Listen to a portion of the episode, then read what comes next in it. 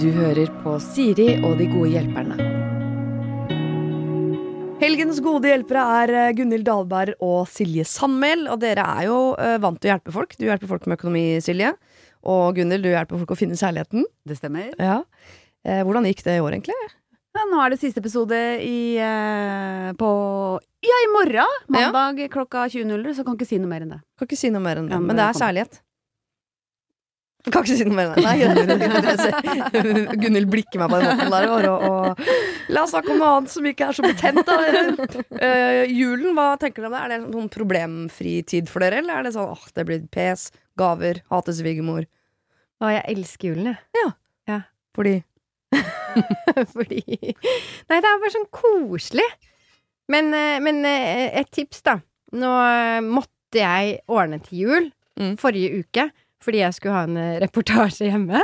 Så, så da fikk jeg jo noen til å, til å ordne med julen for meg òg, da. Så det Ja. er jo et uh, triks. da rykker de inn med plastikktre og sånn, gjør de ikke det? jo. Og barna de, smak, de var sånn kjøpte småkaker. Ja. Det smaker ikke godt. Nei. Så det var, det var ikke, ikke bra. Men uansett, eh, nei, jeg, når, når man har fått uh, ordnet til jul, Mm. og julegavene er kjøpt inn, så start tidlig er egentlig mitt tips, da. Fordi da får man sånn kosa seg den eh, desembermåneden. Ja, så hvis man liksom 8. desember vet at alt er klart, Ja. ribba ligger i fryseren, og alle gavene er på en måte ferdig pakket inn, så kan man bare kose seg derfra. ja, og så ikke stille så høye krav til seg selv. da. Nei. Jeg baker ikke sånn supermye. Mamma baker mest, og så baker jeg litt. Jeg baker ingenting, jeg. så går man høy gang allerede der. Bake- Jeg syns alle julekaker er vonde. Og jeg liker alt som er søtt, bortsett fra marshmallows og julekaker. Så det gidder jeg ikke å bakke. Nei, brente mandler, det er, Ja, det det er er godt. Ja, det er godt. Du får kjøpt ferdig. Så de er gode, Gunnhild, du ser måpen ut, for jeg regner med du har et mer kaotisk forhold til jula, eller? Sånn som jeg kjenner det. Spyder? Ja. Jeg har et spørsmål.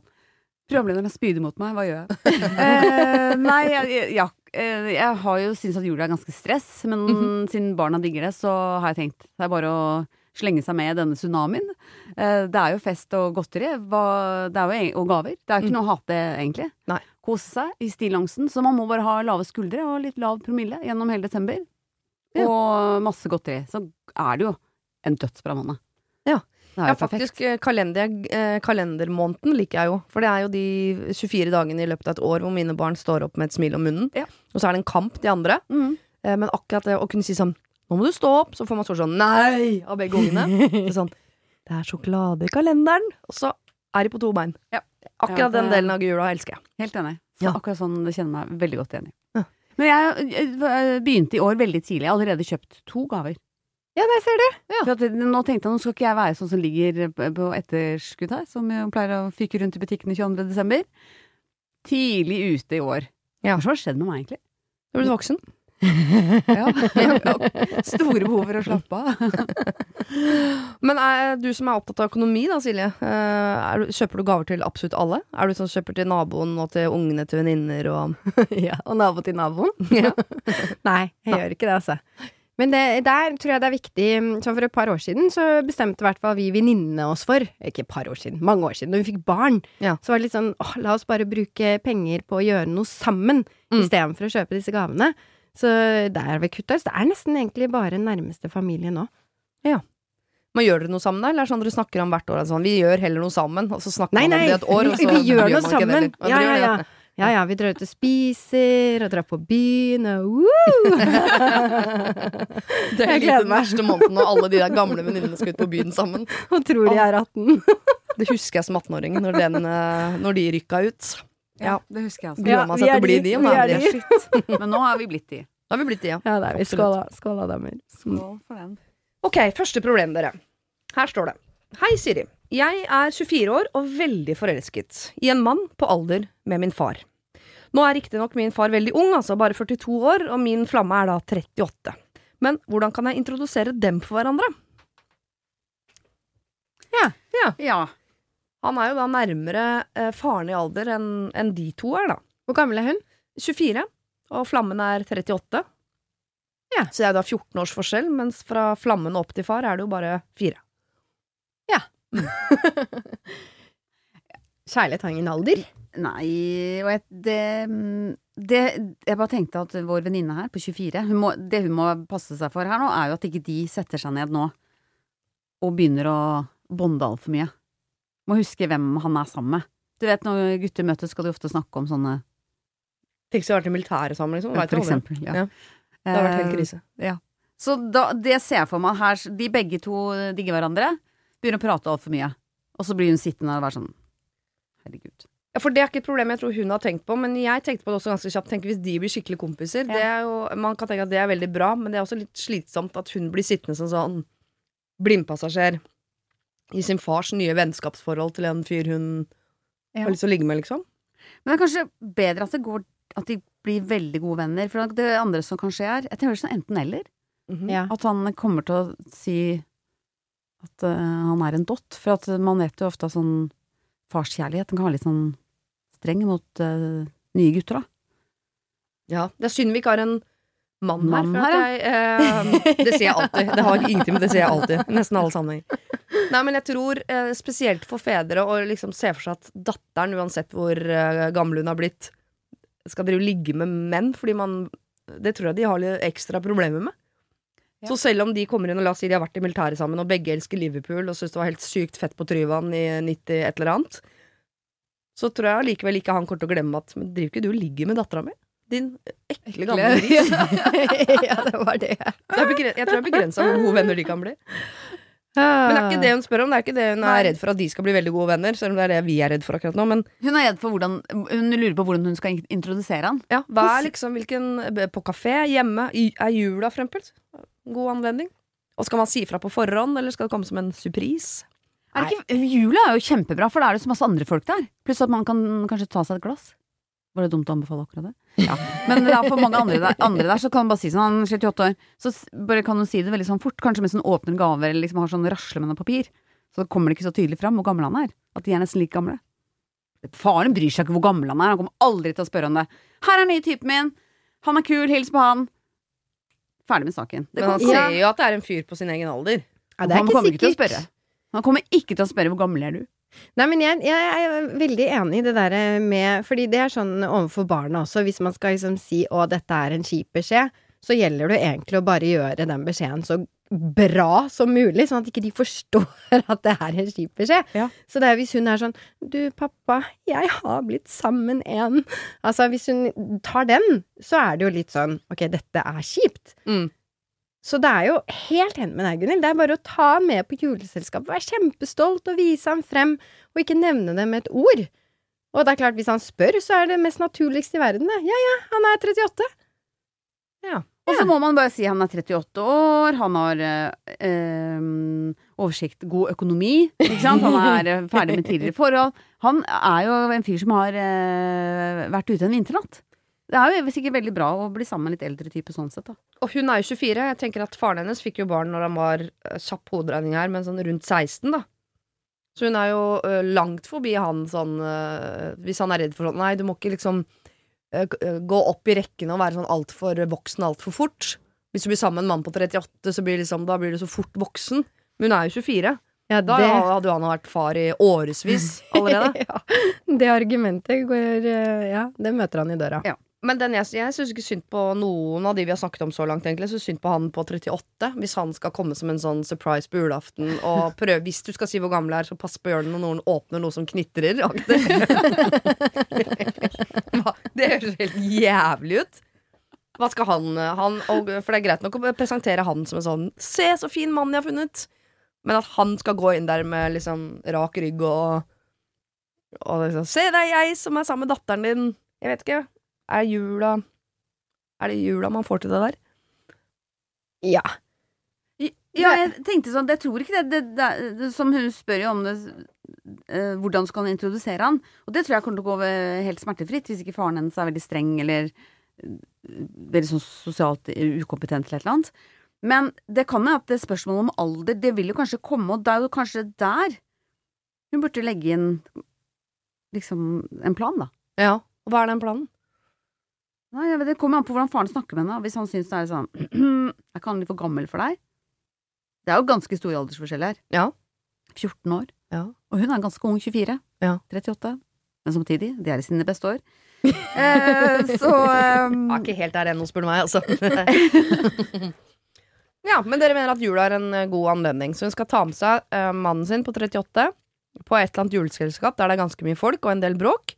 Ikke si noe om alderen på forhånd. Hvis det kommer opp, så skal hun legge det fram som en gavepakke, nærmest. Ja. ja Ja, og det er jo er det ikke flott? Men det er jo ganske frekt å spørre om alderen til folk. Man ville jo aldri gjort det til en kvinne. Jeg gjør jo ikke det. Spør jo aldri om alderen til folk. Nei, man Så kommer til å skjønne jo- det når de har samme referansegrunnlag. Ja, men når det er John Bon Jovi som på en måte er det heteste navnet på pophimmelen, så skjønner du at ja, vi er vel cirka like gamle. Eller. Ja, men jeg tror, vi ikke, kanskje se nå. jeg tror ikke han gjør det i et juleselskap. Så da får han jo sjansen til å bli kjent med denne fyren først. Ja. Før han begynner med fordommene sine, eventuelt. Så jeg tror det For hvis hun sier det på forhånd, så kan man jo som tenke alle disse tankene og en gammel eh, gris, eller altså, ikke sant? Mm. Så ø, vent. Bare introdusere han som mest naturlig i verden, og så, så får han bli kjent med han. Så Ja. blir de kompiser, de gjør jo det. Det er jo veldig liten aldersforskjell mellom de to. Og det er jo veldig kjipt hvis de blir slutt, altså er eh, Ja, så fortsetter de Ja, å være kompiser. Nei, det går ikke. fra hverandre. Ok, Ta med i juleselskap. Eh, ikke si noe om alder. La de finne ut av det på egen hånd. Og eh, ha et lite glass innabords. Og bare hvis det kommer opp, si det som om det er det beste som kunne skjedd. Ja. Ok, lykke til. ikke ta sånn Jeg bare ser for meg bestemor. Hun, har, hun tenker ikke lenger på hva man kan si og ikke si. Så hun sier sånn Er ikke du veldig gammel, da? Noe sånt. Det kommer til å dukke opp. Jeg, det vet jeg bare. Ok, vi skal videre. Hei, Siri og dine fine hjelpere. Jeg skal prøve å gjøre dette kort og konkret, fordi jeg vet at det er sånn du liker det. Det stemmer. Vi er to jenter i 20-åra som eh, møttes og ble kjærester for snart ett år siden, og har bodd sammen i ca. ti måneder. Begge har vært i krevende forhold tidligere, og har nå kommet til ro med at vi er som skapt for hverandre, selv om det høres klisjé ut. Vi har utrolig god kommunikasjon, ler masse sammen, og har flere av de dype og seriøse samtalene. Grunnlaget for et godt og stabilt parforhold. Her kommer problemet. Vi har begge lyst til å gifte oss med hverandre, og er veldig klare på at dette kommer uansett å skje en eller annen gang. Problemet er at vi føler at det ikke er sosialt akseptert av både familie og utenforstående å fri eller gifte seg så tidlig i et forhold. Vi har lyst til å gjøre det vi føler er riktig for oss, men føler at samfunnet stopper oss i å leve ut drømmene våre. Vi har snakket med begge foreldre om tillatelse til å fri, men dette eh, har eh, alltid vært etter noen glass vin med fnising og fjasing. De har vært overraskende positive, men som sagt, etter noen glass vin. Er det vi som må bite i det sure eplet og vente til samfunnet får oppfylt normalen, eller skal vi bare følge hjertet? Ønsker å høre deres meninger og tanker rundt dette på forhånd. Tusen takk, kall oss hva dere vil. Altså, de, eh, de er utelukkende på jakt etter om vi syns det er rart å gifte seg så tidlig. Åtte måneder ute i et forhold. Gratulerer med å ha funnet eh, kjærligheten, vil jo jeg si, som eh, rett fra alle oss i redaksjonen i Aften på kjærligheten. Helt topp. Um, åtte måneder å være å gifte seg. Um, ja, jeg skjønner at folk tenker dette var litt, uh, litt, litt raskt over stokk og stein. Hvor gamle var de igjen? Mm, Det er 20-åra. I 20-åra. Mm. Ja, i tidlig 20-åra. Men eh, samtidig, man kan, det som er litt gøy, som jeg har hørt om folk gjør, er at de gifter seg litt i hemmelighet først. Og så har de fest et år etterpå. Og sier ha-ha, vi har vært gift et år. Det er veldig gøy, og veldig romantisk eh, hemmelighet også. Men eh, samtidig, det er veldig lett å skille seg også, så hvorfor ikke bare kjøre på? Gifte seg. De kan jo rekke flere runder. Ja. På en måte. Med flere folk. Jeg leste her eh, på forsida Se og Hør, var det forrige uke eller noe sånt, Mona Gruth gifta seg for fjerde gang. Ikke sant? Ja. Tenk så mange gøyale fester og masse gaver du har fått. Så her bare kjør på. Gruth. Se her, jeg har et helt skap fullt av sausnebb jeg aldri har brukt. Supert, Mona. Topp. Og, øh, ja, men det jeg liksom tenker litt på De eh, sier at eh, de er usikre på om foreldrene aksepterer det, og at samfunnet Men eh, foreldrene har jo Samtidig samfunnet. Ja, men Er det det, de er er litt lesbiske? sånn At de tenker på samfunnet? Nei, fordi at de gifter seg tidlig. Ja. Men eh, foreldrene De sier jo det at når de har snakket om det, så sier foreldrene at det er greit. Ja. Så hva er Er det en unnskyldning at samfunnet ikke aksepterer det? Jeg vet ingen som ikke ville akseptert Altså hvis, hvis mine barn hadde kommet og sagt jeg, jeg har lyst til å gifte meg, Mm. så ville jeg sagt ja, men gratulerer. Det er jo på. ditt valg. Kjør på. Jeg er der for deg. Så jeg er litt sånn Hvor er det disse tankene kommer fra?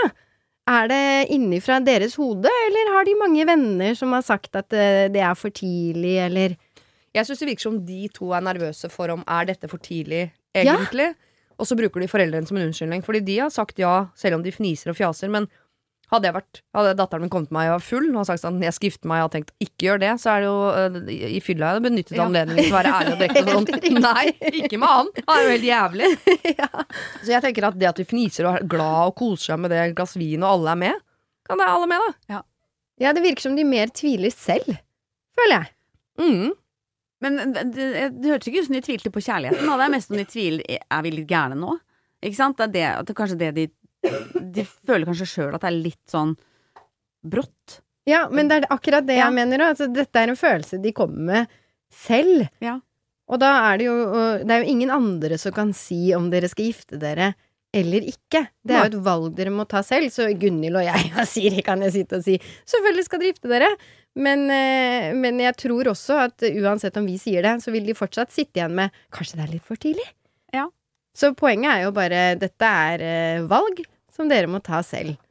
Ja, Heier. eller bare ikke tenke så mye og bare gjøre det. For jeg husker jeg, vi jobba uh, sammen med en fyr før som uh, giftet seg ganske tidlig i et forhold. Kyrre Holm Johansen og Lisa Tønne. Stemmer. Stemmer. Og da husker jeg Lisa Tønne sa, fordi de fridde uh, sånn et Etter to måneder, Ja, liksom. det, det hadde gått maks to måneder. Da sa hun sånn, vi hadde lyst til å gifte oss mens vi var nyforelska. Sånn, det er det ikke mange som har gjort. Man rekker jo veldig ofte at den nyforelskelsen går over innen man gifter seg, og så blusser den litt opp igjen i de dagene rundt bryllupet, og så går den bort igjen. Men her, de har jo muligheten til å gifte seg på høyden. Ja. Det høres helt fantastisk ut.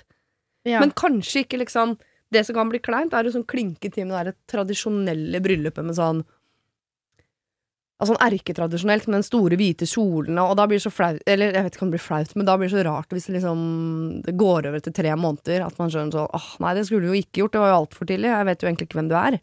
Så kanskje vi skal bare ha litt mer sånn Ikke hemmelig, men litt sånn annerledes nedpå bryllup, liksom. Eller? Ja, og så tenker jeg det tar jo veldig lang tid å begynne å planlegge, planlegge bryllup også, hvis de skal ha en stor fest. Med mindre de skal gjøre det på lørdag, som kommer. Men da Mm. må de vel allerede ha sendt inn sånn eh, papirer. Det er sånn papirmølle i forkant av bryllup. Ja. Så hvis de begynner i dag, så får de ikke gifta seg for etter eh, jul uansett. Nei, det tar Nei. tid. Så da, og så skal man jo ha ringer, eller kanskje, man ikke, kanskje de ikke skal det. Så må de spare. Spare penger. Koster jo å gifte seg, vet du. Ja. Eller hvis foreldrene skal betale. det heller. Så kanskje det Nei, blir nei. til sommeren. Ikke sant? Og da har du allerede gått eh, ti måneder pluss seks, så er jeg oppe i ett og et halvt år. Ja. 100% sosialt De kan jo bare møtes i skogen, og alle har bakt rullekake, på en måte. Altså, Ja, det går an. og å gifte seg koster ingenting, egentlig. Nei, nei. Kan Nei. gjøre det helt gratis. Men Ja. du, papirarbeid det er jo møkkakjedelig. Man gjør jo ikke det med mindre det er ekte kjærlighet. Altså Hvis de kommer seg gjennom papirmølla, og de fortsatt har lyst, Ja. så er det riktig. Og det er Ja. det samme hvor lenge de har vært sammen. Jeg er helt enig. Jeg syns dere skal begynne begynne det, det uromantiske delen av det nå, som er den papirmølla, og se om det liksom gir gnister, eller om det på en måte blir sånn åh, faen, det skal øh. ja. Og så følger dere flowen derfra. Om det er positivt eller negativt. Og hvis det er positivt, så får dere uansett ikke gifta dere før nærmere sommeren. Da hadde dere vært sammen dritlenge. Da er dere ikke nyforelska lenger engang. Faen, det er for seint. Det er jo altfor seint ute. Du skulle gifta deg for lenge siden. Driti ut, egentlig. Og så begynner de å skrive ønskeliste etter jul, for da vet de at de ikke har fått ditt og datt i julegave. Så har de masse ting de kan ønske seg til bryllupet. Ja. Ikke sant? Perfekt. Sett i gang. Gift dere nå mens dere er nyforelsket. Ok, her er det en som savner nære relasjoner. Hun skriver hei, dere, god lørdag. Jeg har ikke et typisk problem som må løses, men jeg ønsker litt refleksjon og visdom fra alle dere fine folk. Jeg er i midten av 20-årene, student, og har flyttet en del siden jeg var liten og frem til nå. Det har nok gjort at jeg har fått et lite mønster på det å danne vennskap eller holde på dem. Jeg er livredd for å bli ensom, og det er en gjenganger. Men jeg er egentlig en person som lett får meg venner. Jeg virker nok ganske suksessfull og populær utad. Jeg hater de ordene. Men så kommer det ofte de snikende tankene. Hvorfor har jeg ikke hatt en fast bestevenn eller gjeng opp igjennom? Har jeg ikke jobbet nok med å holde kontakt med folk fra andre steder? Hvem er egentlig mine nærmeste? Alle andre virker så sikre og trygge i sine relasjoner. Og så føler jeg at vennskap var mer intenst da jeg var yngre. Men det er kanskje normalt at det ikke er så intense etter at man har fått seg kjæreste og er litt eldre og mer moden? Jeg har jo mellom fem til ti stykker som jeg kan ringe og henge med hvis jeg vil. og Noen ser jeg ukentlig, andre en gang eller to i måneden. Og dere lurer sikkert på hvorfor jeg klager. Jeg har bodd her nå i to år, og vennene mine nå er fra flere steder i landet. Så jeg gruer meg jo allerede da, til de eventuelt skal flytte hjem og jeg må starte på ny. Jeg skulle ønske jeg bare visste at disse tre, de er spikra livet ut. Disse er de du skal leve og bli gammel med. De som er der uansett hva. Jeg har nok en del urealistiske tanker, men samtidig så tror jeg på dem, liksom. For å konkludere. Er det vanlig at vennskap kommer og går? Er jeg noe unormal? Hvorfor har jeg disse tankene? Jeg kjenner jeg skammer meg litt over å ha hatt en del utskiftning i vennegjengen, men det er liksom ikke min feil heller, på grunn av flytting og andre ting. Hadde vært helt supert om dere kunne reflektere litt rundt dette. Hilsen en litt eh, lost ung dame i 20-åra. Og ja, kall meg Stine. Ja. Er det normalt at sånne vennerelasjoner bare kommer og går, eller åssen er det med dere? Har dere liksom tre gode venninner som dere har hatt siden dere spilte øh, håndball på barneskolen, som fortsatt er de nærmeste? Jeg, eh, jeg vil jo si at venner kommer og går. Og så er det jo klart at eh, eh, jeg har jo barndomsvenninner som jeg har hatt hele livet. Men jeg tror her, øh, ikke for å arrestere Stine på noe som helst måte, da, men hun sier 'er dette normale tanker'? Mm. Eh, og så vil jeg bare si til Stine at det er jo dine tanker. Og det er jo de tankene som hun Hun bestemmer jo over sine egne tanker. Og så er hun liksom Er dette normalt, eller er, er det ikke? Og, og jeg tenker, hvis du skal ha et vennskap, og du skal um, ha et vennskap som varer livet ut, Mm. så er jo det veldig opp til en selv. For det å ha et godt vennskap betyr jo å gi og ta. Eh, så ja, jeg, er litt sånn på mm, Det er så normalt som du vil ha det til, Stine. og jeg føler at hun gjør det kanskje litt mer unormalt, og litt mer, mer sånn at hun tenker at hennes tanker er unormale. Jeg tenker at eh, De tankene man har, er jo i hvert fall normalt for deg, for det er jo du som tenker de. Og så er man vel på jakt etter sånn Men hvis alle går rundt og tenker dette, så er det kanskje ikke så farlig. At det er mer det. Ja, det er ikke, ja, man må vite om tanken er normal eller ikke, men om det er en tanke man bør liksom tenke Bør eh, agere på, eller om den bare skal få lov til å flyte. Så hvis alle går rundt og tenker at å ja, nei, jeg skulle ønske vennskapet var mer sånn låst, så vil jo det eh, fortelle henne at å ja, alle har det sånn. Da er det ikke så farlig. Da trenger jeg ikke å jakte det der låste vennskapet, for det fins tydeligvis ikke, for det er ingen som har det. Tror du ikke det er på jakt etter det? Når Jo, hun liksom Jo, men ja. Det var sånn jeg forsto det òg, at hun tenker at har jeg, er det jeg som bare ikke har sånne tre tette venner, og så er, begynner det å bli Kanskje det er virkelig litt rart? Eller går alle andre rundt og reflekterer rundt de relasjonene de har? Hvor tette er de egentlig? Terningkast én terningkast én eller terningkast 6? mm, Hvor, og man kan vurdere Har jeg disse folka her ut livet, eller bare til jeg er 60, eller til jeg er 30? ja, men det vet man jo ikke. Sånne ting vet man jo ikke. Men jeg syns egentlig det var jo veldig kult, eller veldig bra spørsmål. At, eh, og særlig kanskje etter korona, eh, og, og mange har vært isolerte og ensomme. Og nå tar jeg jo litt med meg ut det jeg erfarte i Jakten på kjærligheten på årets opptak også, at eh, mange har vært aleine. Mm. Og da har de kanskje savna ekstra på det å ha kjæreste. Hvis man ikke har hatt kjæreste, så har kanskje vennene blitt enda tettere. Og så har vi jo Instagram og Facebook eh, og andre sosiale medier hvor folk gjerne legger ut bilder av eh, Se hva vi har gjort, jeg og min fineste fine, eller eh, mine bestevenninner, her er min gjeng. Og hvis man ikke gjør det sjøl, eller hvis det, man ikke blir, er blitt tatt bilde av og lagt med i en sånn gjeng, så kan det kanskje føles ut som man er litt sånn utafor, da.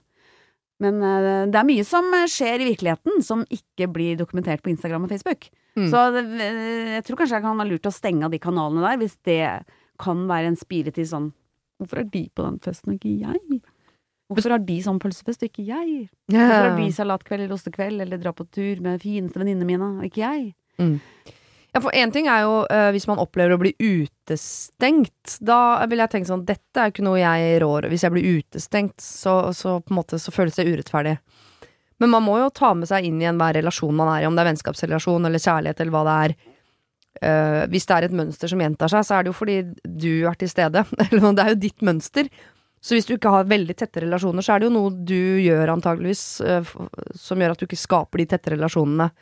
Og da nytter det jo ikke å flytte, prøve et annet sted, for du tar jo alltid med deg deg. Så hvis du skal endre det mønsteret, så må du endre måten du er på. Men hvis du liker måten du er på, og du egentlig liker de vennskapsrelasjonene sånn som de er, så må man ta sånn Jeg, jeg har gjort dette selv, for jeg, jeg kan kjenne på noe av det samme noen ganger, at jeg blir fort kjent med folk.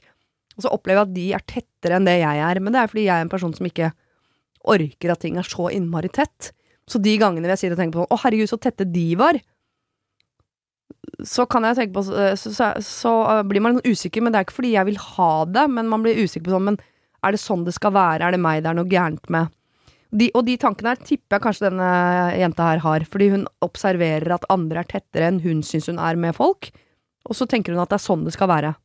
Men hun er jo ikke sånn. Nei, det, det var Nei. det jeg tenkte. Hun må jo tenke sjøl. Er disse vennskapene jeg har, er Det er bra nok for meg, så er det jo det. Man må ikke ha en sånn venn man hadde fra barsel, man har vært baby sammen med. Og da er det det sterkeste vennskapet. Eh, jeg har jo også noen venner som jeg ble kjent med på barneskolen. Jeg flytta jo når jeg var elleve år, fra Nord-Norge til Østlandet, så jeg har jo ingen av de barndomsvenninnene mine Eller har en venninne i Tromsø som går innom eh, når jeg er i- Nord-Norge, eksempel. Men det er ikke sånn at vi har noen daglig kontakt i det hele tatt. Men vi har jo det båndet siden vi kjente hverandre til, vi var elleve. Og så har jeg noen venner fra, fra eh, barneskolen etter at vi flytta, så er det noen fra videregående, så er det noen fra både kollektiv, så er det noen fra Blindern, og noen fra Jobb i P3, og noen fra eh, Som man får med seg hele veien. Så man har liksom forskjellige venner. Mm. Det var veldig mye min venne-CV, men eh, det jeg skulle fram til, var jo at man møter folk gjennom forskjellige faser av livet.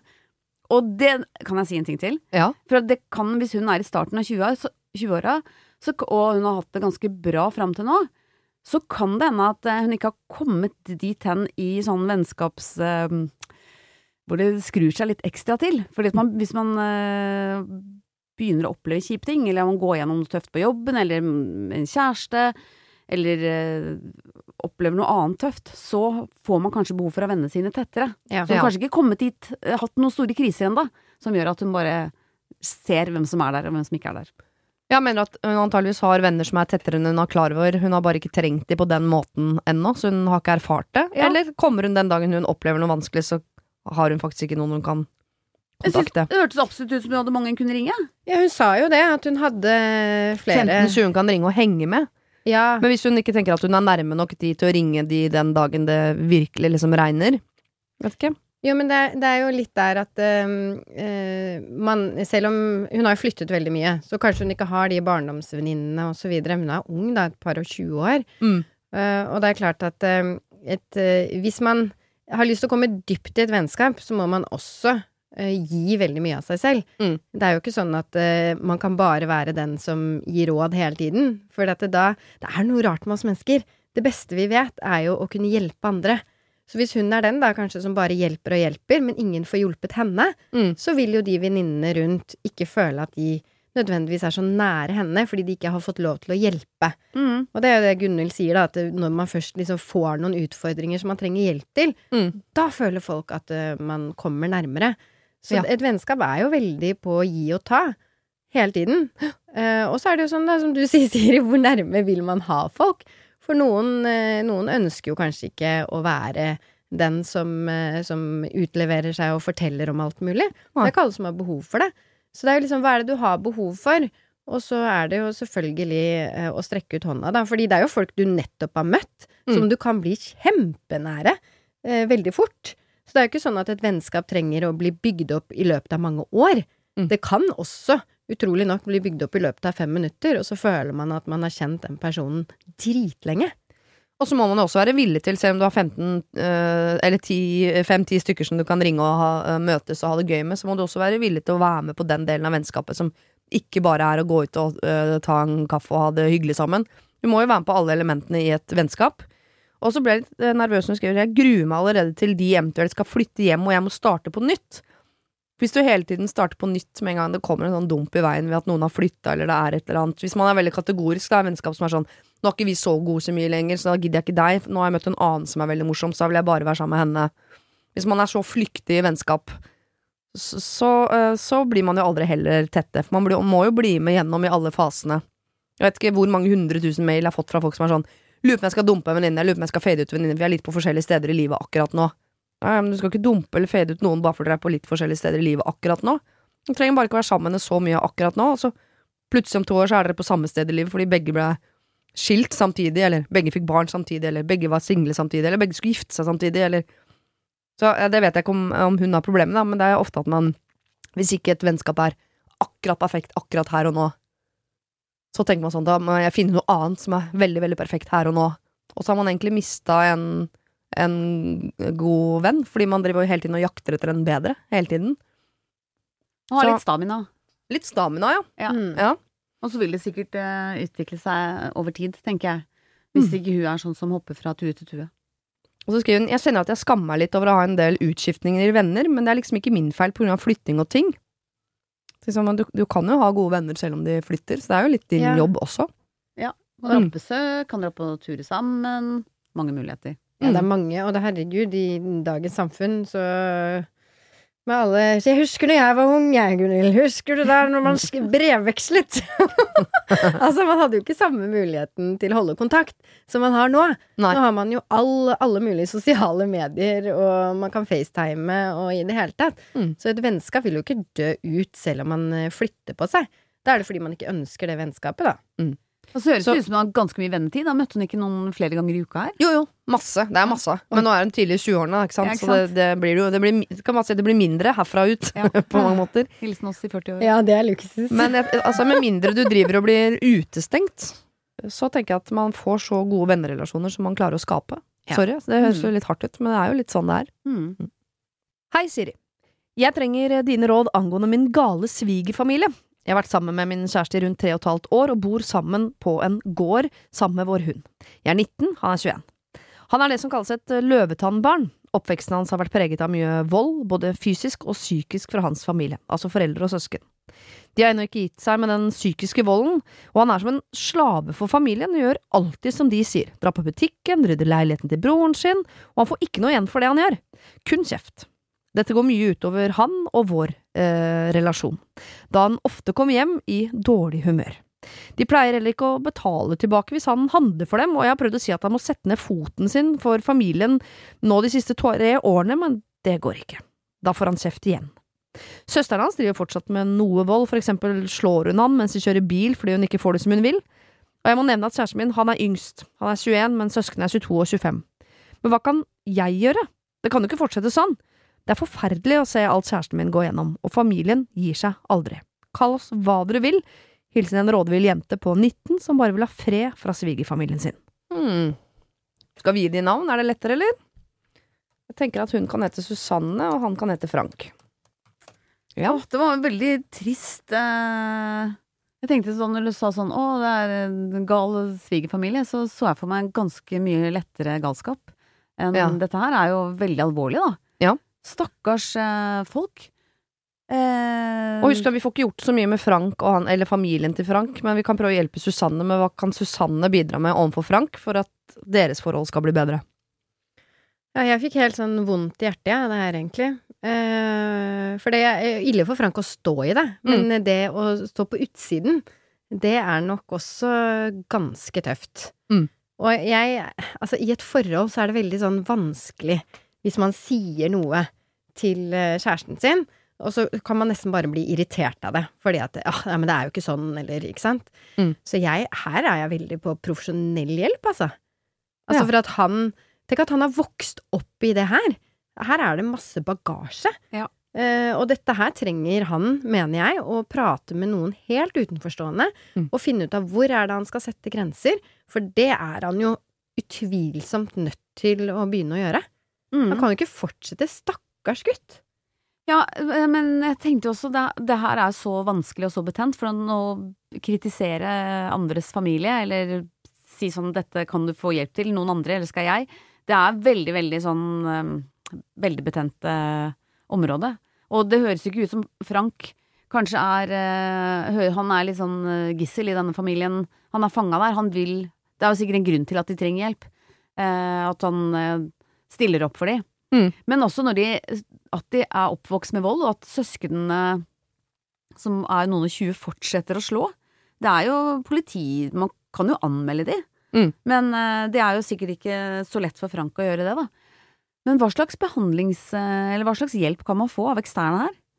Ja, I kommunen og sånn? ja, jeg tenker det. At, eh, fordi det, det Han ser det jo helt sikkert ikke selv. Han er, Er oppvokst han tenker vel at Ja, det er sånn det er. Det er, det er sånn det er normalt. Mm. Og i tillegg, som Gunhild er inne på, når det kommer til foreldre, så Mm. gjør man jo alt for foreldrene sine. Det er rart, det der. Man kan sitte på utsiden og se hvorfor blir man i et voldelig forhold? Hvorfor, eh, ikke sant, hvorfor eh, eh, sier man ikke nei? Hvorfor kutter man ikke kontakten med folk som gjør en vondt? Det er fordi man vet ikke noe annet. Man vet ikke bedre. Man har ikke opplevd noe annet. Så jeg tenker at det første steget her er å, å få hjelp bare for å se at dette her er jo ikke normalt. Det er ikke sånn det skal være. Og så er det jo um, nesten umulig å hjelpe noen hvis ikke de vil ha hjelp. Å få en, uh, en mann eller dame til å gå til psykolog som ikke vil gå til psykolog, for eksempel, er jo nesten umulig. Hun får ikke dratt han inn på et legekontor hvis ikke han selv har lyst på den hjelpen. Nei. Og kanskje hvis de bor på et lite sted, så er det jo kanskje sånn at foreldrene kjenner de som jobber i kommunen, eller Mm. eh, Nå vet jeg ikke om de bor på et lite sted, altså, men eh, det kan jo fort være sånn at, at det er litt tettere bånd enn det det er her i Oslo. Mm. Men, eh, men det er jo- veldig fint at hun har lyst til å hjelpe kjæresten sin. Det er jo et veldig bra steg. Ja. Så jeg, jeg tenker sånn, kanskje første steg ville gjort, er å prøve å snakke ganske mye med Frank om, om at dette her ikke er normalt. Mm. Dette her er ikke normal eh, relasjon å ha til familien sin. Det er ikke vanlig at søsken og det, i hvert fall søsken og foreldre skal slå hverandre, eller utnytte hverandre økonomisk på den måten der. Men og, s- og siden det Jeg bare tenker siden det går så mye Selvfølgelig går det inn på Frank, og selvfølgelig utover Susanne også. Mm. Så vi må jo snakke om det her. Hvis de skal ha en framtid sammen, så er det jo fint at de to sammen kan finne en måte å eh, sette grenser for, eh, for, for svigersfamilien, da. Ja, kanskje hun Da vet jeg ikke hvordan Susanne gjør det i dag, men det kan jo hende at hun skal være litt forsiktig med å um, snakke om hans familie. Heller på en måte gi han hjelp ut fra at hun har lyst til å hjelpe de to. Ikke at det er de to mot familien, men si sånn Jeg ser at du ofte er lei deg når du kommer hjem, du er sliten, og vår relasjon blir jo preget av det. Kanskje vi to skal gå og få litt hjelp sammen til hvordan vi kan liksom ha det bedre, uten at du går og tenker sånn Den ko-ko svigerfamilien, Ja. vi trenger hjelp fordi de er helt gærne. At hun kutter ut det det leddet, men heller sier at vi to trenger hjelp til at vi to skal ha det bedre. Ellers så tenker jeg et råd du pleier å gi, Gunhild, faktisk, som du ikke har gitt uh, i dag, er jo at folk må flytte. Du pleier jo ganske kjapt ute med det, kan ikke bare flytte. Det er noe med avstanden her også, at kanskje Susanne og Frank bare skulle ha flytta litt langt unna, fått familien litt på avstand. Han ikke kunne gått på butikken de for dem, ikke kunne ha rydda leiligheten til broren, ikke kunne ha drivet og kjørt søstera rundt mens hun slår. Og de bare fikk den avstanden, og kjent på sånn å herregud, så deilig det var.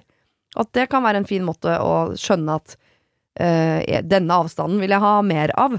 Mm. Så kanskje han, at han blir lettere å få i terapi hvis han, hvis han får kjent på, eller sånn fysisk hvor deilig det er å slippe å ha familien sin så tett på seg.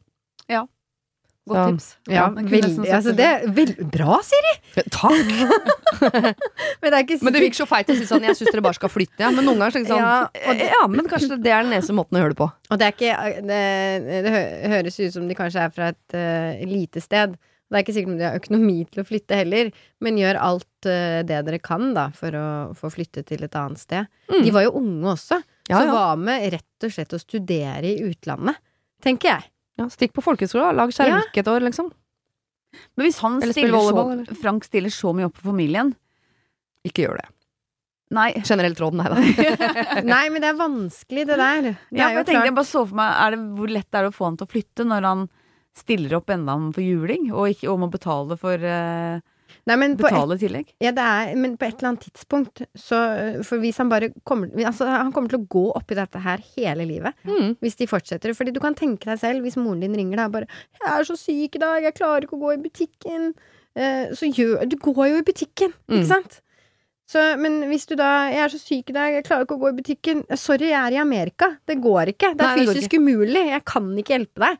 Du må snakke med en av de andre søsknene. Han hadde jo to andre søsken. Mm. Så nå er Som det på tide for Frank. Helt enig. Han må vekk.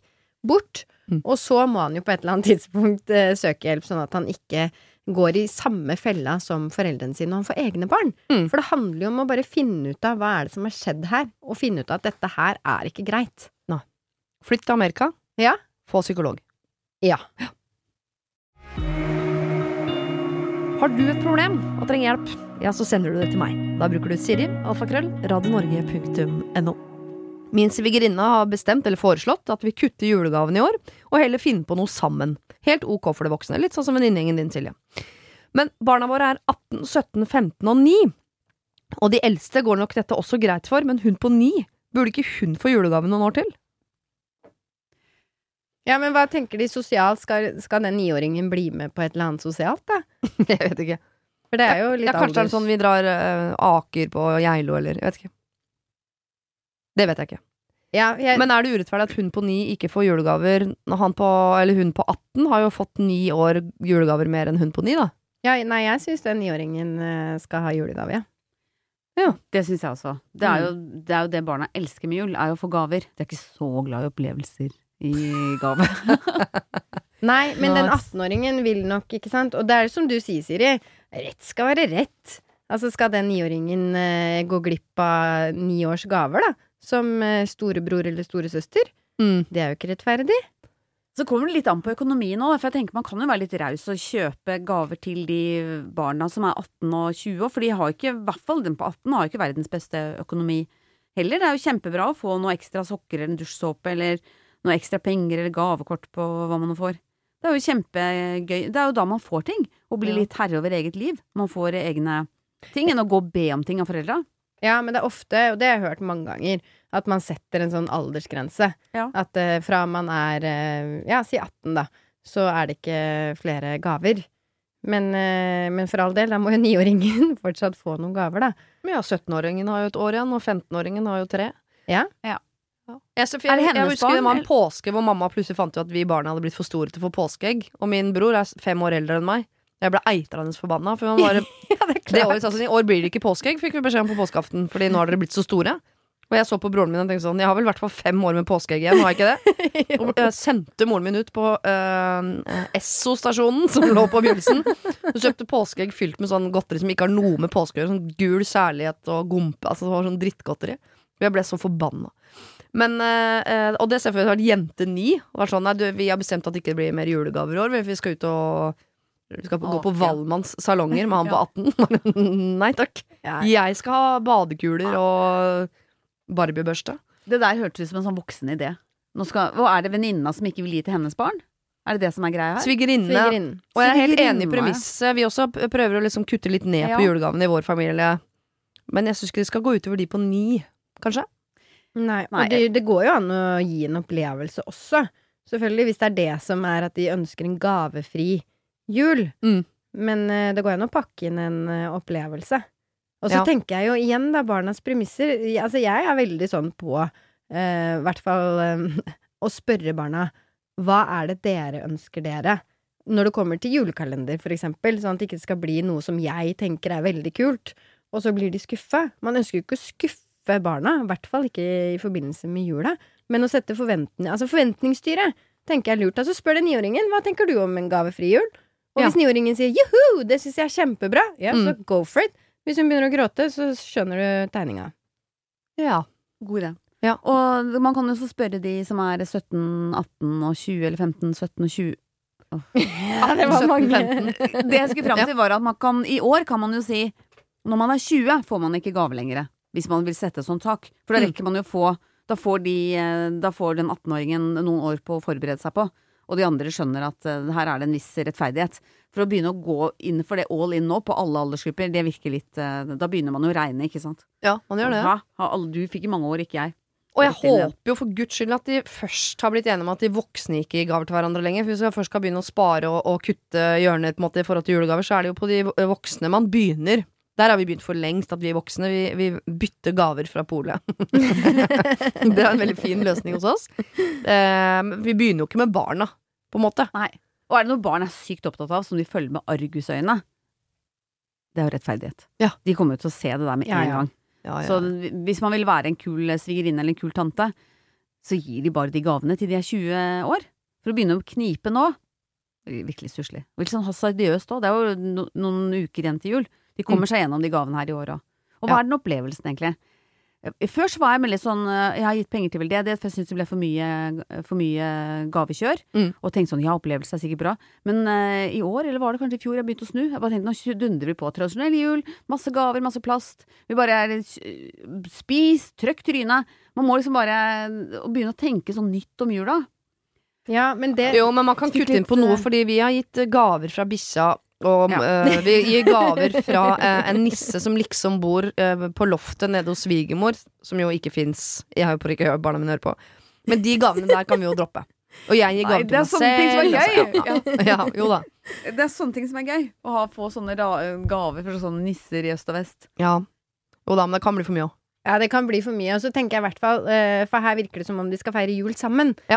Så det er jo flere familier. Og da kan det være greit å avtale ok antall gaver. For det er Mm. heller ikke noe gøy hvis noen sitter og pakker opp masse gaver, mens eh, noen av barna ikke sant, eh, er ferdig og bare sitter og ser på. Så det er et poeng, det, altså å ha noen sånne kjøreregler. Vi har lagd en regel på det eh, i fjor som jeg er veldig veldig fornøyd med. Vi feirer stort sett jul hjemme hos meg. Eh, at vi, det er bare lov å åpne gaver eh, på julaften eh, når alle er til stede, som er til eller fra folk i rommet. Ja. Så det er ingen i rommet som må sitte og se på at noen åpner gave fra noen som ikke er til stede. Dette er tanta mi i Bodø, eller dette er en venninne på skolen, eller Det må man ta på morgenen på julaften, eller morgenen første juledag. Så vi feirer på en måte litt britisk jul med sånn morgengaver og eggerøre. Og litt vanlig norsk jul på kvelden, men med litt sånn hvor vi begrenser gavene. For å sitte, At jeg skal sitte og se på mutter'n pakke opp sånn sherryflasker fra venninner i Kragerø. Det var vet du hva, mamma. Det er så sherry at jeg Nei, det går ikke. Jeg syns sånne ting er kjempegøy. Nei, det går ikke.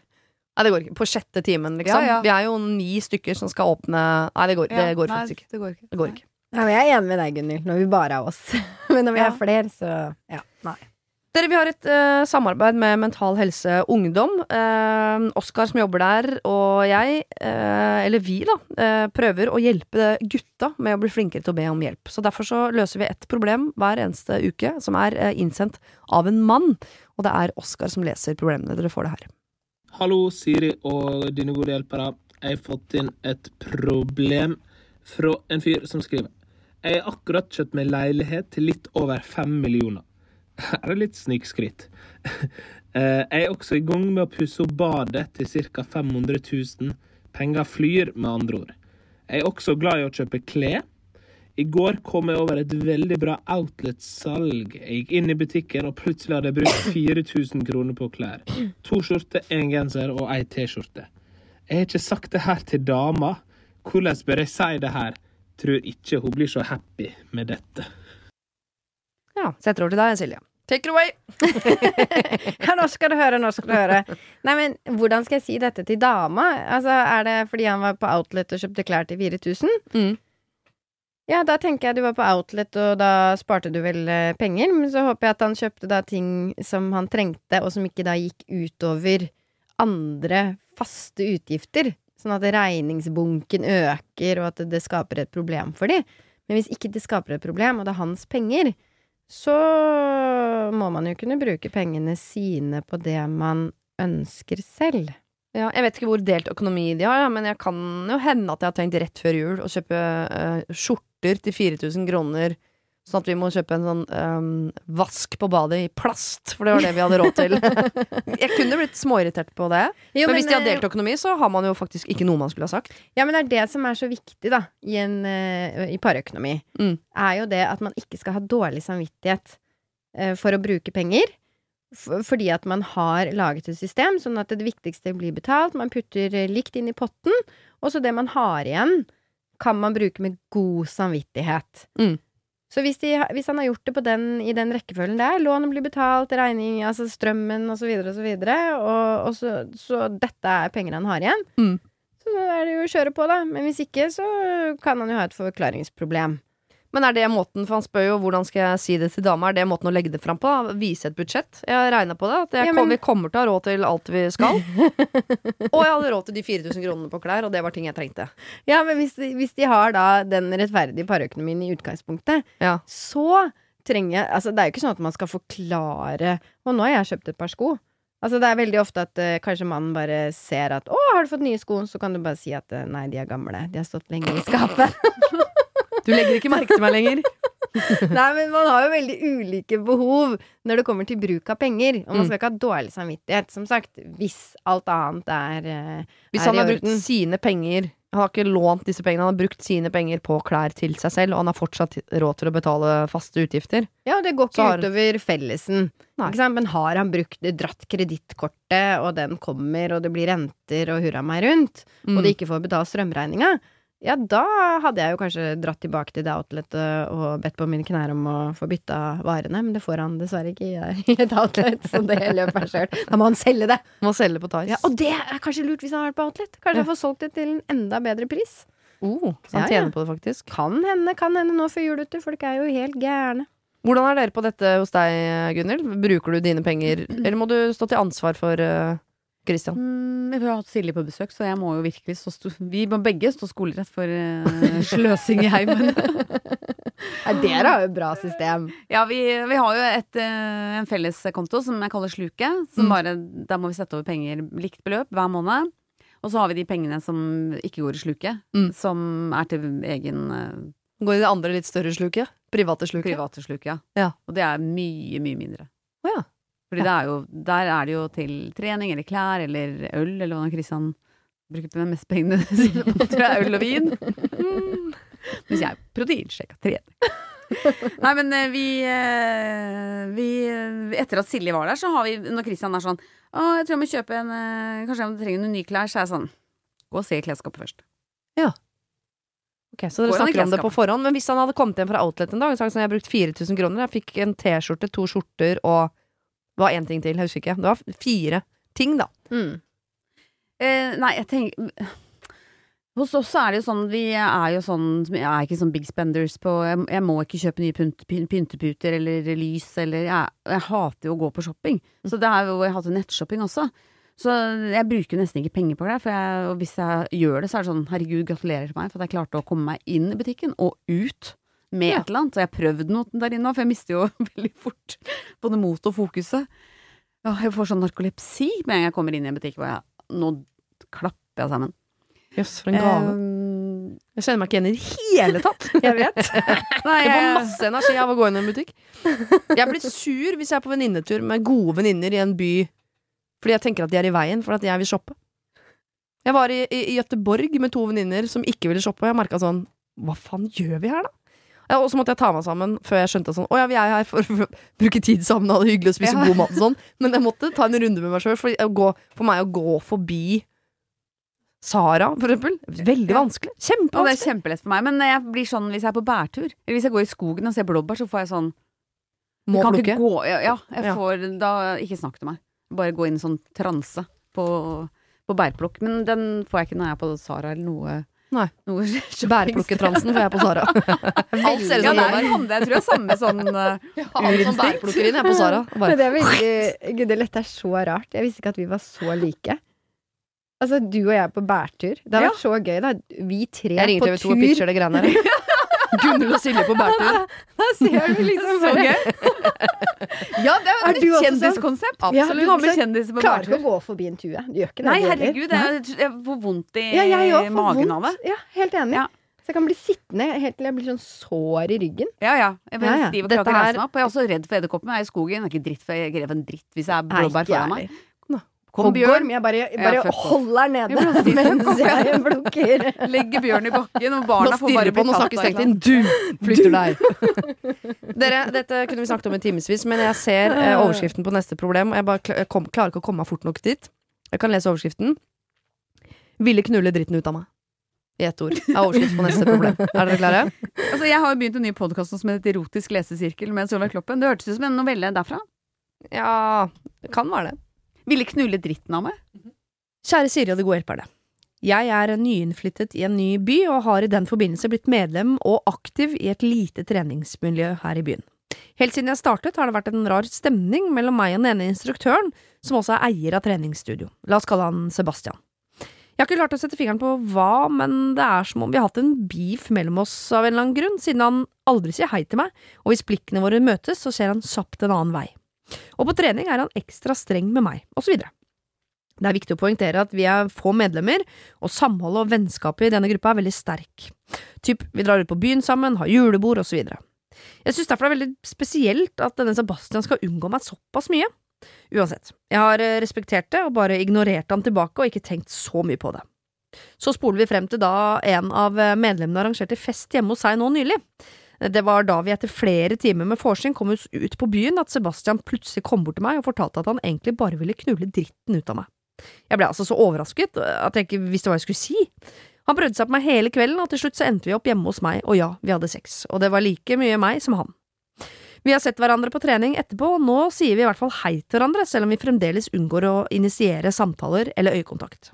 Herregud, hjelp, hvordan kan jeg dra på trening uten at dette skal fortsette å være så kleint og rart? Er det i det hele tatt lov? Er det vanlig?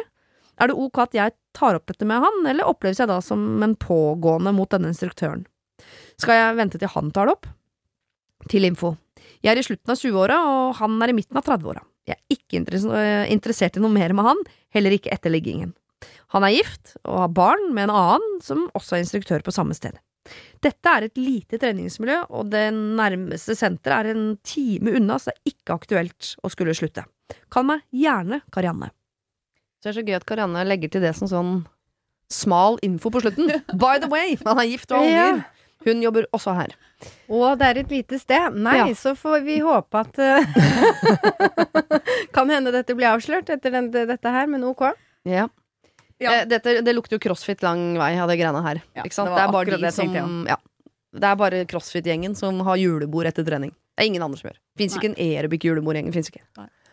Så, øhm, men hva, hva Jeg har lest et problem noen ganger og skjønt at grunnen til at han ikke vil se henne i øynene, eller si hei til henne og sånn, er fordi han er altså så tent på henne at han vet at jeg kan ikke se deg i øynene eller være hyggelig mot deg, for da kommer jeg til å, å bende deg over tredemølla. Og det kan jeg ikke, for konen, jeg har kone og barn, og hun jobber her i det hele tatt. Ja. Men så blir han full, og så klarer han ikke å holde seg lenger. Han er jo antageligvis helt sykt forelsket i, skråstrek, kåt på Karianne. Jeg kan, jeg kan stryke forelska. Ja, Jeg tror på det. bare Ja. kåt på. Ja. Og jeg tenkte akkurat det samme som deg, Siri. Jeg tenkte også, Her har vi en mann med overtenning på vår venninne her, Karianne. Mm. Eh, så derfor kan han ikke se på henne. Altså, egentlig ganske så, smart grep av han. Ja, og da blir man og Det her er jo et uh, triks fra Nå vet jeg ikke om han uh, crossfit-instruktøren er um, bevisst det her, men det her er jo et triks fra den boka The Game, som heter Negg. Og det er at du skal overse folk, eller kanskje til og med være spydig, for da vekker du interessen. Så han har jo klart det her veldig, veldig, veldig bra. Holde henne på en armlengdes avstand. Hun begynner å lure. 'Herregud, hva er det med meg?' og shit, shit, shit. Og så kommer vi på julebord, så er vi bare knulle Hva dritten ut av det. Som er i anførselstegn den omsorgen hun har lurt på hvorfor han ikke viser henne. Og så, så ligger de sammen. Så han har jo bare kjørt et løp her som han har bare fått full uttenning, uttenning for. Uttelling for. Eller utløsning for. Å ja, men da tenker du mer sånn taktisk på enn meg, for jeg har ikke tenkt at dette er en taktikk fra hans side. Nei, jeg tror det er en han sånn, jeg skal eh, overse deg for at du skal bli mer interessert i meg. Jeg har tenkt at han har prøvd å være smart, som er jeg er nødt til å overse deg fordi jeg vet at jeg liker deg bedre enn jeg burde gjøre i og med at jeg er gift. Så jeg, jeg, må, jeg må slutte å se på deg. Ja, Jeg må jeg bare ha deg unna. Jeg tenkte bare ubevisst eller bevisst eh, taktikk. Mm. Det har funka for han. Men hva skal hun gjøre nå? Skal hun ta skal hun det opp med han? Det er et helt konkret spørsmål. Hva tenker Ja, du, Silje? Skal hun ta dette opp med han? Men hva, jeg, jeg er litt sånn forvirra. Hva hva er det hun egentlig vil? Altså, hun vil ikke ha noe mer med han å gjøre, i hvert Nei, det er akkurat det. Hun vil jo ikke ha noe med han å gjøre. Så hva, hvis hun tar det opp med han, da, Mm. hva er det hun mm, Først, hva er det hun ønsker? Ønsker hun et vennskap? Ønsker hun at de skal kunne si hei?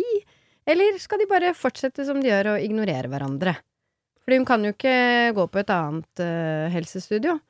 Så det, jeg ble litt sånn un, Altså, det er sånn Hun vil jo egentlig ikke ha noe med han å gjøre, så hva, hvorfor skal du prate med han, da? Ja, hun, er ikke hun er ikke interessert i noe mer med han, men jeg tipper at hun er interessert i at stemninga på treningssenteret skal være god nok til at de også kan si hei til hverandre.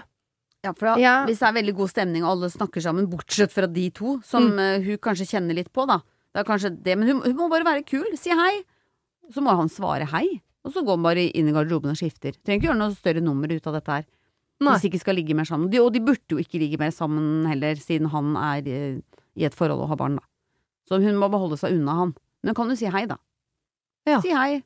Hei, Så- hei. Ikke ta initiativ til noen samtale, men rett og slett bare take the high road og være hun som driver og sier hei og er hyggelig. Ja. Og håpe at, og hvis ikke han slenger seg på, så Nei, og så kan det jo være bare sånn hvis Fordi hvis det blir et julebord til, da, mhm. en eller annen fest, og han prøver seg igjen, så kan det jo være greit å, å bare si helt klart ifra at man ikke er interessert. Mm.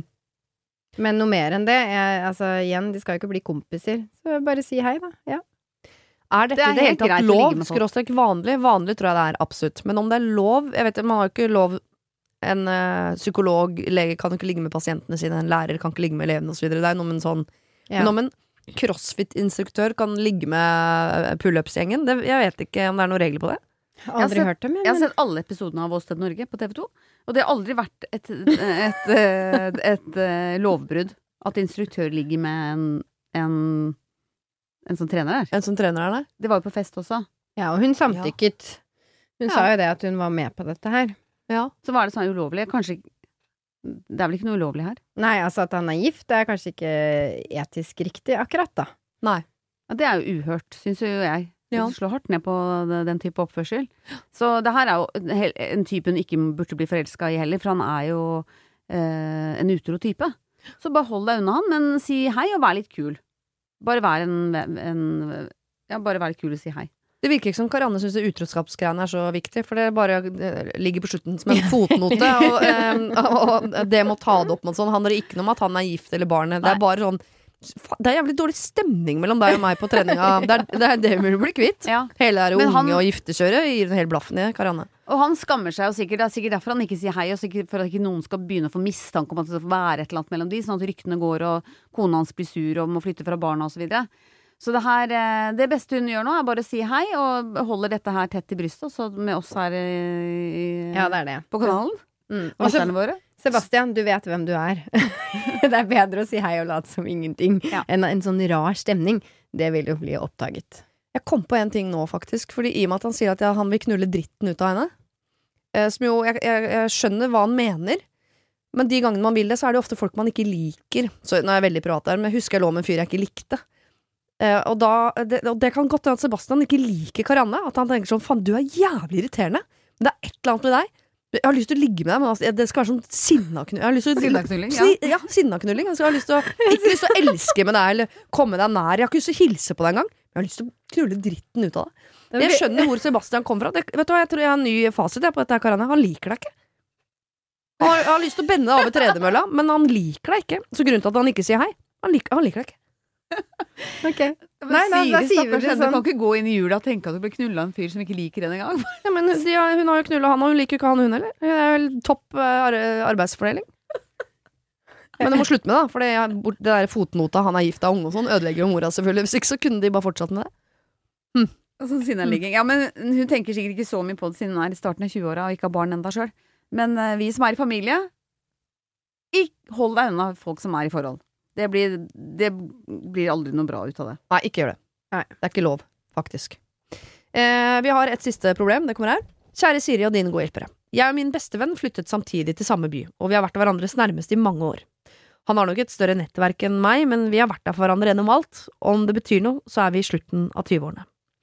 For en uke siden inviterte han meg ut på middag, og vi gikk på restaurant, og jeg så fram til en hyggelig kveld. Men da vi satt der, sa han at han ikke får noe ut av vennskapet vårt lenger. Jeg er for negativ. Han har endret seg, og han blir tappet for energi av å være sammen med meg. Vi kan være i hverandres vennekrets, men han vil ikke tilbringe like mye tid sammen med meg lenger, og han har kjent på at jeg tapper han for energi og har gjort det i et år nå. Vi satt midt i restauranten, og jeg orka ikke å si noe tilbake, jeg hater å vise følelser offentlig, noe han vet godt, og jeg ble både utrolig såra over det han sa, og at måten han valgte å gjøre det på. Jeg bare satt der og stirra ned i vinglasset mens han prata, og så gikk jeg på do og gråt i en halvtime. Så hva skal jeg gjøre nå? Jeg må jo respektere at han ikke vil ha meg så nære i livet sitt, men jeg er utrolig såra og føler at jeg har gått gjennom tidenes brudd. Dette er verre enn kjærlighetssorg. Hvordan kom jeg over at min beste venn har dumpa meg på verdens verste måte? Og hva skal jeg gjøre om vi møtes på fest, da, eller lignende framover? Kall meg Stina. Dette problemet har jeg hatt mange ganger fra andre siden, hvor man tenker jeg har en venn som er energityv, hvordan skal jeg bli kvitt henne? Mm. Men her er det jo da energityven som sender inn problemet. Energityv? Altså, det er så tullete ord. Ja. mhm. Herregud. Ja, det er jo veldig subjektivt. Men dette er jo Fy søren, dette er jo trist. Mm. Jeg, jeg syns jo det er litt sånn slemt å gjøre det på en restaurant. Så slår du opp med venninna di. Mm. Det er jo ikke greit.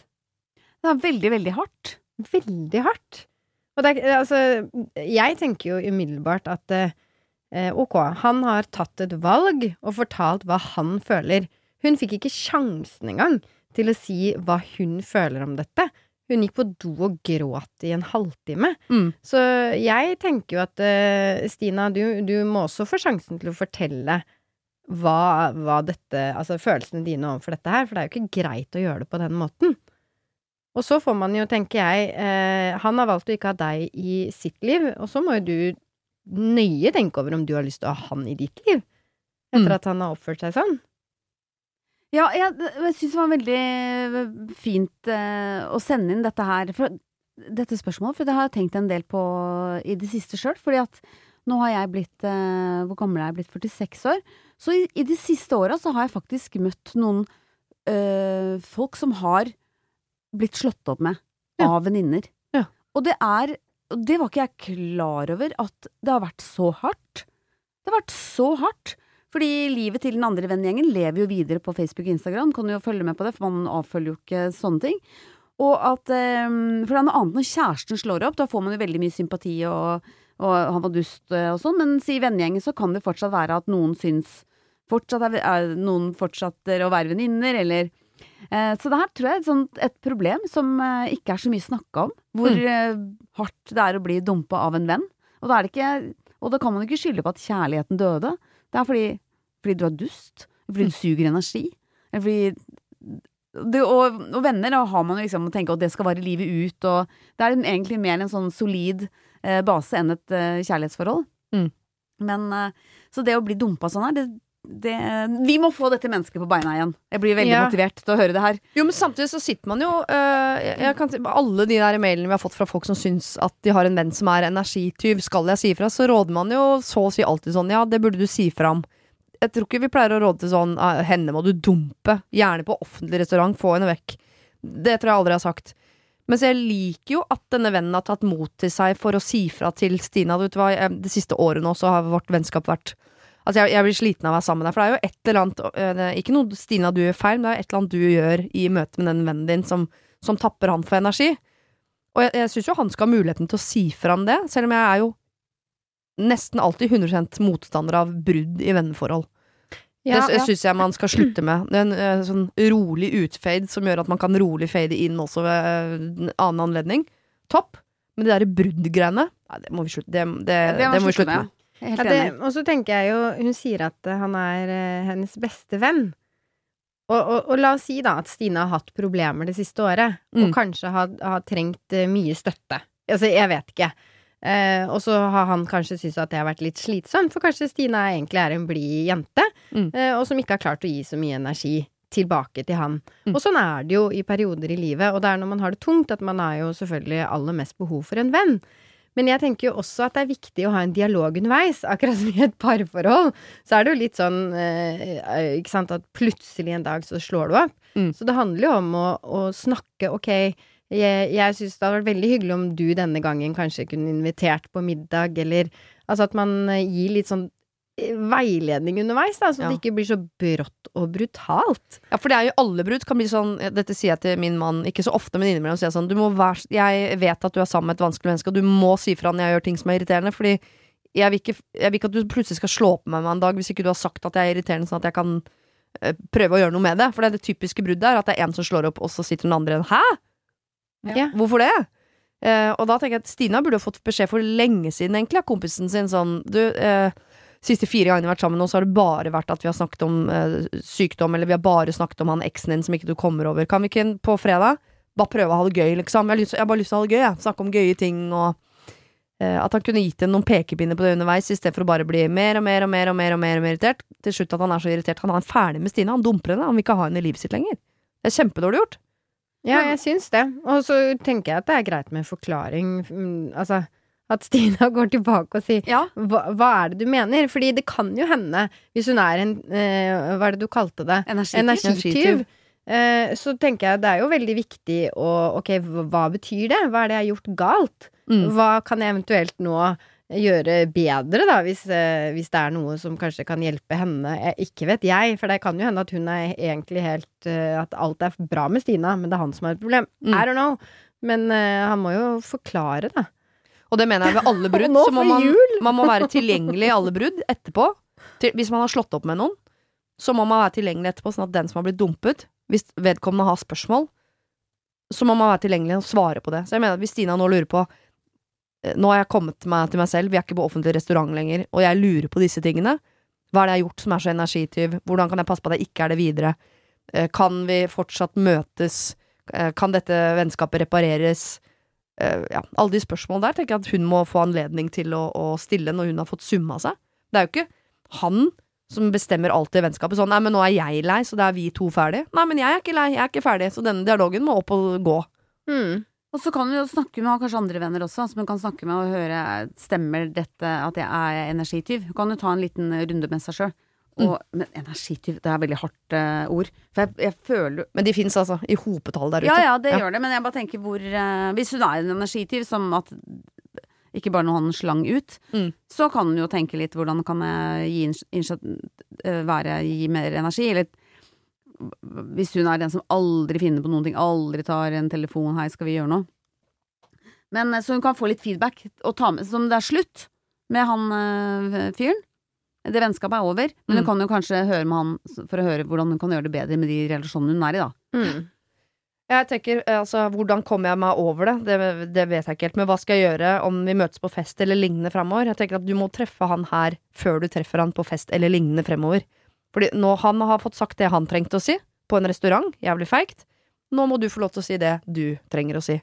Så dere to må ha en prat til på, eh, på din banehalvdel, hvor du får lov til å si eh, de tingene du vil si, og stille spørsmål du lurer på.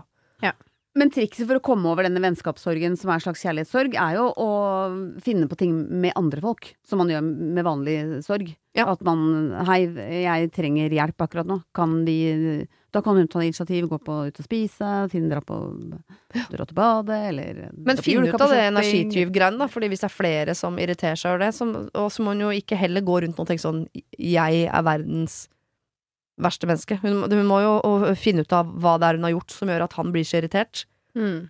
istedenfor å gå og gnage på sånn Å nei. Tenk hvis hun er- blir nervøs overfor de andre vennene sine, så når hun er ute og møter Kaja og Pål, tenker sånn Er jeg energityv nå? Nei, jeg kan kanskje ikke si Det er jo litt slitsomt på jobben noen dag, det kan jeg ikke si, for da er jeg energityv. Altså, skjønner du hva jeg mener?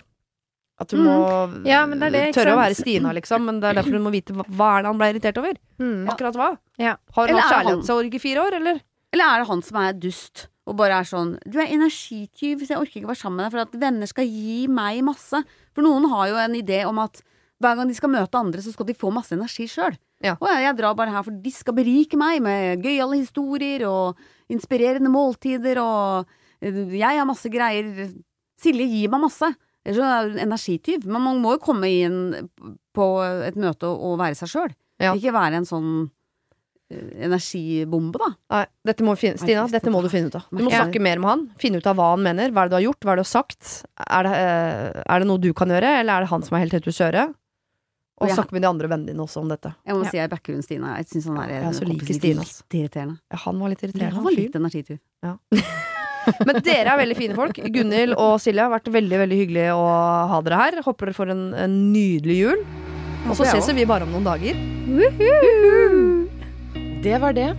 Husk å sende ditt problem til siri at radionorge.no om du vil ha hjelp.